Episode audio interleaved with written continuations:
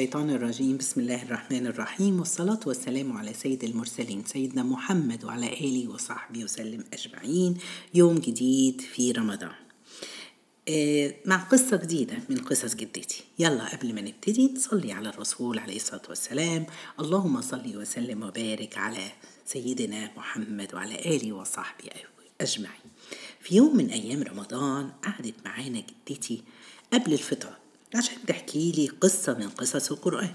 بس يومها جدتي سألتني انتي بتحبي ربنا؟ قلت لها طبعا يا جدتي. سألت ليه بتحبي ربنا؟ قلت لها لأن ربنا هو ربنا. هو اللي خلقني وهو اللي بيديني كل حاجة أنا عاوزاها. نعمه كتير عليا. ربنا موجود معايا في كل مكان وفي كل وقت. قالت لي انت عارفة معنى إيه الله موجود؟ قلت لها لا مش عارفة. قالت لي معناها إن العدل موجود. معناها إن الرحمة موجودة. معناها إن الناس بتسامح بعض. معناها إن قلبك لازم يطمئن. ما تخافيش من حاجة ابدا. معناها إن مش هنقلق على حاجة. معناها زي ما الرسول وسيدنا عم أبو بكر الصديق كانوا في الغار.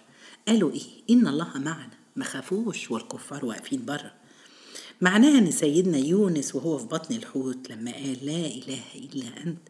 ماليش غيرك يا رب. معناها إن في السجن ما كان لنا أن نشرك مع سيدنا يوسف وفي الكهف لن ندعو من دونه إلها. كل ده اسمه توحيد يعني ما فيش إله إلا الله. هو وحده هو حبيبك ربك هو اللي تلجئي له في كل حاجة في حياتك. بعد كده قالت لي إحنا النهارده قصتنا عن التوحيد. توحيد بالله وقدرة ربنا على الخلق والبعث. قالت كان يا مكان في قديم الزمان في وقت سيدنا إبراهيم. كان في ملك كافر ما بيؤمنش بالله. كان بيعبد الشمس والقمر. كان متكبر مغرور. كان اسمه النمرود. الملك النمرود دوت في يوم دخل على سيدنا إبراهيم أو سيدنا إبراهيم راح له. كان الملك ده بيقال إن هو من أربع أكبر ملوك الدنيا اللي ملكوا الدنيا دي كلها. كان في من ملوك الدنيا اتنين كفار واتنين مؤمنين. كان ملكهم كبير جدا. الاتنين المؤمنين كان سيدنا سليمان ابن سيدنا داود والملك التاني ذو القرنين. دول الملوك المؤمنة. ويقال يقال إن الملوك الكافرة اللي برضو حكموا الأرض كلها بخت نصر والنمرود بن كنعان. قصتنا النهارده مع النمرود بن كنعان مع سيدنا إبراهيم عليه السلام.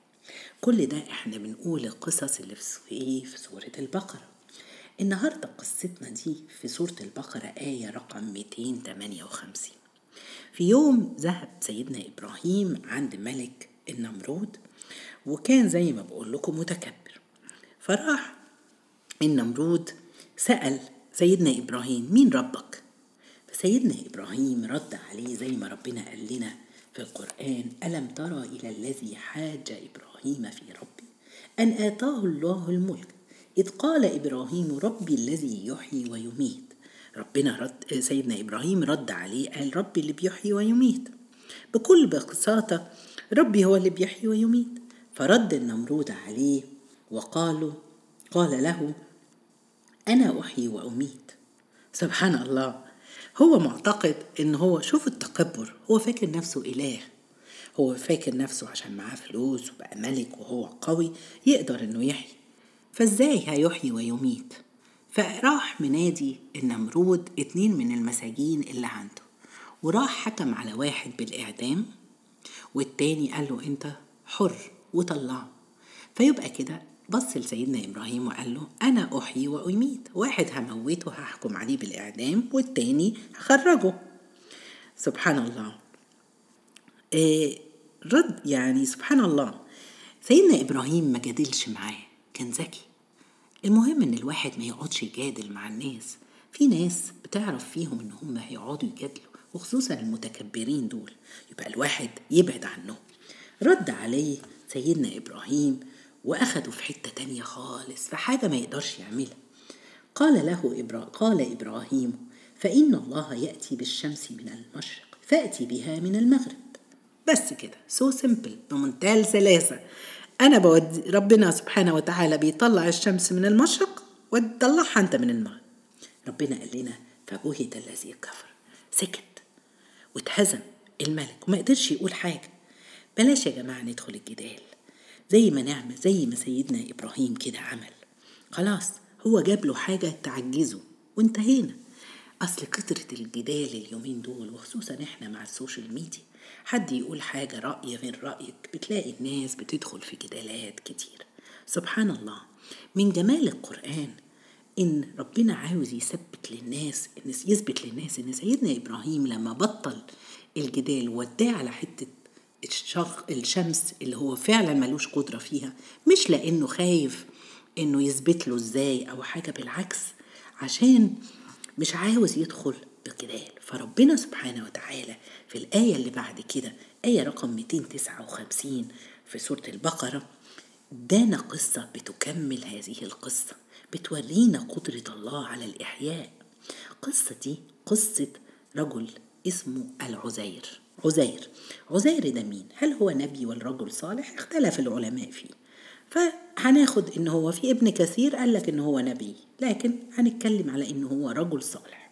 الرجل الصالح ده عاش إمتى؟ عاش بعد سيدنا داود وسليمان في بني إسرائيل. يعني هو من بني إسرائيل. كان يوم خرج في يوم من الأيام الصبح وكان راكب على حماره عاوز يقضي مشوار وهو اقترب من مدينة بيت المقدس. يعني كان في ضاحية من ضواحي بيت المقدس. فهو معدي كده هو على المكان ده لقى الحتة دي المدينة دي أو الضاحية دي خرب مكسرة ومفيش حد ساكن فيها ومهلكة. سبحان الله لأن الملك اللي كان فيها كان يعني سبحان الله دمر هذه الملك فيقال إن هو بخت نصر كان ملك جبار. المهم فتعب وراح نزل وقعد من نزل من على الحمار وقعد وسند ظهره على حائط وابتدى يطلع الأكل ياكل ويشرب. كان يقال معاه تين وعنب. ومسك عبة عصير عنب وعصره عشان يشربه قعد وهو قاعد كده بيبص على القرية اللي هو فيها ويقول أن يحيي هذه الله بعد موتها. بيتساءل. هو مش بيشك. بيقول سبحان الله ربنا إزاي بيحيي هذه القرية بعد موتها ربنا بيقول لنا بعد كده إيه؟ بيقول لنا إن هو آه آه بعد موته فأماته الله مئة عام ثم بعثه. يا سبحان الله ربنا عاوز يورينا ويوريه معجزة وقدرة الله على الإحياء. زي ما هو صحي ربنا أماته مئة عام. يقال إنه كان سنه أربعين سنة تقريبا. ثم بعثه الله. دبت فيه الحياة بيقول لك قعد مئة سنة ميت. ولما صحى ربنا سبحانه وتعالى دبت فيه الحياة وكان الوقت قبل الغروب. هو الأول إحنا قلنا لما كان كان ماشي بالنهار قولي على الظهر كده تعب وقعد استريح. لما ربنا أحياه بعد مئة سنة كان قرب الغروب. افتكر إنه نام شوية. جاله ملك سأله. الملك سأله. قاله آه آه ثم بعثه. قال كم لبثت؟ قال لبثت يوما أو بعض يوم. بالي يوم أو حاجة؟ مساحي المغرب. افتكر إن هو نام من الظهر للمغرب. أو بالكتير يوم يعني. آه فربنا فالملك قال بل لبثت مئة عام. اداله الخبر خبر غريب. مئة سنة؟ أنا ميت؟ طب إيه اللي بيثبت كده؟ الملك قال له وربنا بيقول لنا في القرآن فانظر إلى طعامك وشرابك. لم يتسنى ما حصلوش حاجة. الطعام والشراب بتاعك العنب والتين وعصير العنب اللي عصره من مئة سنة. ما بص وما يتغيرش. سبحان الله استغرب العزير. بس برضو لسه ممكن يكون عنده شق ما أنا إيه اللي يقول لي أنا 100 سنة؟ ما أنا كويس أهو جسمي وصاحي و... والعنب قدامي. راح ربنا سبحانه وتعالى والملك قال له وانظر إلى حمارك ولنجعلك آية للناس. بص على الحمار لقاها عظم. العظم نخرة ومتناثرة في حتت كبيرة بعيدة. فربنا بيقول له أنت نجعلك آية للناس آية لينا. وآية لكل إنسان يشك في قدرة الله سبحانه وتعالى. وانظر إلى العظام. كيف ننشزها؟ ثم نكسوها لحما. فلما تبين له قال أعلم أن الله على كل شيء قدير. ربنا سبحانه وتعالى قدام عينيه. ابتدى يجمع العظام. لم العظام العظام الظهر على الضلع على الرجل على سبحان الله نرفعها نرفعها ويتكون الحمار على بعضه الهيكل العظمي اتعمل ثم بعد كده ربنا كسى العظام لحما وبعد كده كسى اللحم شعرا ثم دبت الروح في الحمار. بعد كده قام العزير. دي من بعض القصص آه، أنا حبيت أقولها لكم لكن ربنا سبحانه وتعالى لم يذكر هذه التفاصيل والله أعلم. فيها جزئية من الإسرائيليات وفيها جزء الصحابة قالوا لنا عليها. سبحان الله أنا حبيت أقولها لأن إحنا هنسمعها. بعد كده قالت قالوا لنا إنه قام العزير وركب الحمار وعاد للقرية بتاعته. بس لما عاد لقى القرية مختلفة لقى الناس اللي ماشية في الشارع ما تعرفوش. راح خبط على باب البيت بتاعه. فتح راح لقى رصيد امرأة عجوزة عمياء قعيدة. سألها أنت مين؟ هو عرفها دي كانت عبدة عنده خادمة صغيرة. كان سابها يمكن وهي كانت عمرها 18 سنة. فكان عمرها 118 سنة. فقال لها فين العزير؟ قالت له مشي بقاله 100 سنة.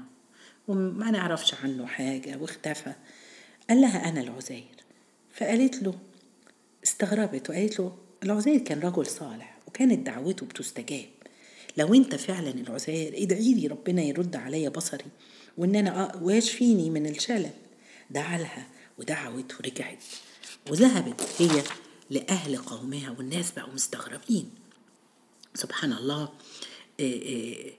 المهم التفاصيل دي الله أعلم بها. لكن في آية تانية بتقول قالت اليهود عزير ابن الله اليهود بيحكي لنا عبد الله بن عباس سأل مرة عبد الله بن سلام كان قبل إسلام عبد الله بن سلام كان من اليهود المدينة وكان حبر من أحبارهم آه، عالم من علمائهم فسألوا عبد الله بن عباس مرة ليه إيه اللي خلى اليهود بتقول إن عزير ابن الله؟ قال, قال له قصة إن هم لما راح العزير والمرأة لأهل القرية بتاعته وشافوه وبعدين عرفوا قالوا له قال لهم إن هو يعني بعث ربنا سبحانه وتعالى. فكانوا وقتها ما حدش حافظ التوراة توراة. بعد ما مات بقى طبعا سيدنا آه، آه، موسى وكانش حد حافظ التوراة فكانوا زعلانين إن هم فقدوا التوراة كمان. فبيقول لك سيدنا العزير يقال في الإسرائيليات والله أعلم طبعا أن خرج شهاب من نور من السماء دخلت على قلب العزير فقال بعض اليهود العزير بن الله والله أعلم. المهم خلاصة قصة العزير. عزير إن هو آه، آه، ربنا أراه وأرانا. إزاي ربنا سبحانه وتعالى أعاد نيم موته مئة عام وأعاد ووراله بعينيه. قال بعد كده العزير أعلم أن الله على كل شيء قدير. قادر. يا جماعة لازم نعرف إن ربنا قادر على كل كل واحد فينا عنده مشكلة ربنا قادر يحلها. كل واحد عنده مريض ربنا قادر على الشفاء. كل واحد بيمر بظروف صعبة ربنا قادر إن يحلله مشكلته. هو ده. لازم نكون عارفين إن الله قادر على كل شيء. مش بس كده ربنا كمل قصة تالتة. سبحان الله على قصة القرآن. هي قصة سيدنا إبراهيم. بيكمل قصة البعث عشان ما حدش مننا يكون شاكك في هذا. ربنا بيقول إن سيدنا إبراهيم وإذ قال إبراهيم ربي أرني كيف تحيي الموتى. في يوم سيدنا إبراهيم قال ربنا يا رب وريني إزاي بتحيي الموت. مش لأن ربنا سيدنا إبراهيم شاكك لا سمح الله في قدرة الله لكن عاوز يرى هذا. فاكرين في القصة لما كان مع النمرود وقال له إن الله يحيي الموتى؟ هو عاوز يشوف الإحياء عاوز يشوف عظمة الله في هذا الإحياء وربنا بيحيي الموت.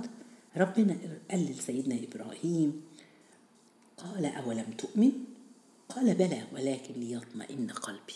سيدنا إبراهيم زي ما بقول هو كان عاوز اطمئنان القلب ويرى هذه المعجزة. عاوز يعدي من علم اليقين إلى عين اليقين. فربنا أمره قال له إيه؟ قال فخذ أربعة من الطير فصرهن إليك ثم اجعل على كل جبل منهن جزءا ثم ادعوهن يأتينك سعيا. واعلم أن الله عزيز حكيم. أمره ربنا سيدنا إبراهيم أن يجيب أربع أنواع طيور مختلفة. يقول العلماء أن هو جاب نسر وجاب غراب وجاب طاووس وجاب الديك. سبحان الله الحكمة من اختلاف الأنواع الطيور حتى ما يشكش إن ده شكل كل واحد كان ليه شكل ومواصفات أخرى. بعض العلماء من جمال القرآن بيقول لك إن كمان ربنا سبحانه وتعالى قد يكون جاب الأربع طيور المختلفة دي عشان يعلمنا دروس. كل طير من الطيور ده له عيوب. عاوز يقول للإنسان تخلى عن العيوب دي. يعني الطاووس عنده الكبر وعنده سبحان الله الخيلان أوعى يكون في قلب واحد مننا ولا واحدة مننا. إحنا في شهر رمضان الشهر الكريم. عاوزين ال ال الأخلاق الوحشة بتاعتنا نسيبها ونحطها على جنب ويكون شهر تغييرنا نتغير للأحسن. الطاووس أوعى يكون حد فينا عنده كبر. ال ال ال ال سبحان الله الديك هو بيسيطر على قطيع الدجاج. أوعى تكون مسيطر ويكون أنت عندك كده قوة إن أنت عاوز تتحكم في اللي قدام. والغراب مشهور بالحرص. كان ربنا يريد بيقول لنا تدبروا القرآن والنسر سبحان الله ينقض فيه انقضاض على الحاجة. لكن ربنا بيقول لنا اللي بيتدبر القرآن هيفهم معنى الحاجات دي. نيجي نشوف ربنا أمر سيدنا إبراهيم إن هو يمسك يقطع هذه الطيور الأربعة ويحط الروس عنده. ويحط بقايا ومن ده من ده قطعة من ده على ده على أربع جمال. على أربع جبال. جزء من الطاووس وجزء عديك وجزء من لحمه وشعره وريشه وسبحان الله. وبعد كده ربنا بيقول لسيدنا إبراهيم ثم ادعوهن يأتينك سعيا. نادي عليهم. يقولك إيه؟ سعيا. مش جايين طايرين. عشان يشوف المعجزة قدام عينيه. سبحان الله. واعلم أن الله عزيز حكيم. سبحانك يا الله ربنا هو القادر هو الواحد الأحد. اللهم لا إله إلا الله. هو ربنا سبحانه وتعالى. إيه الدرس اللي هنتعلمه النهاردة؟ عاوزين نكسر من لا إله إلا الله. لا إله إلا الله عيشي بيها. ذكر اكسري من الذكر. لا إله إلا الله تعرف إن ما حدش بإيده شيء لا منفعة ولا يضر غير الله سبحانه وتعالى. لا إله إلا الله. بيحكي أبا ذر كان في عهد عثمان. اختار أبا ذر إنه يسيب الحكم وإن هو يبقى وراح عاش في قرية من قرى المدينة اسمها الربذ الربذة الربذة الربذة أسفة. وعاش هناك هو وزوجته. وبعد وقت كان خلاص هتأتي المنية وهيموت قال لمراته هيطلع عليكي قوم. أنا خلاص لسوف تواتيني المنية وسوف يطلع عليك قوم فيهم صحابة من صحابة رسول الله. وفتح صندوق وأخرج منه ثوب وقال لها هذا جاهدت به مع رسول الله فكفنينه كفنوني فيه. سبحان الله ولحظات ولفظة روحه روح بزر وموكب ماشي فيه أوقفتهم زوجته لقت فيه عبد الله بن مسعود. فغسلوه وكفنوه في ثوبه. وقال ابن مسعود رحم الله أبا ذر. قال فيه رسول الله يرحم الله أبا ذر مشي وحده ويموت وحده ويبعث يوم القيامة أمة وحده. أه سبحان الله ينزل جبريل على الرسول عليه الصلاة والسلام لما قال هذه القصة ويقول اقرأ مني أبا ذر السلام. قال أو تعلمه يا جبريل؟ قال والذي بعثك بالحق يا جبريل نحن بالحق. يا جبريل نحن في طرق يا محمد نحن في طرقات السماء أشد معرفة به منكم في طرقات المدينة. قال النبي ولما هذا؟ قال بكثرة قوله لا إله إلا الله. بكثرة ما هو بيقول لا إله إلا الله. لا إله إلا الله. تعالوا يا جماعة نكثر من قولها هذه الأيام. ربنا ينفعنا ويكرمنا. تفائلوا عاوزين يطمئن قلب. كل واحد قلبه الآن خايف على حاجة. اطمئن قلبك فليس لنا غير الله الواحد. اللهم فهمنا القرآن وانفعنا به. يا رب يكرمنا جميعا. جزاكم الله خير. سبحانك اللهم بحمدك أشهد أن لا إله إلا أنت أستغفرك وأتوب إليك.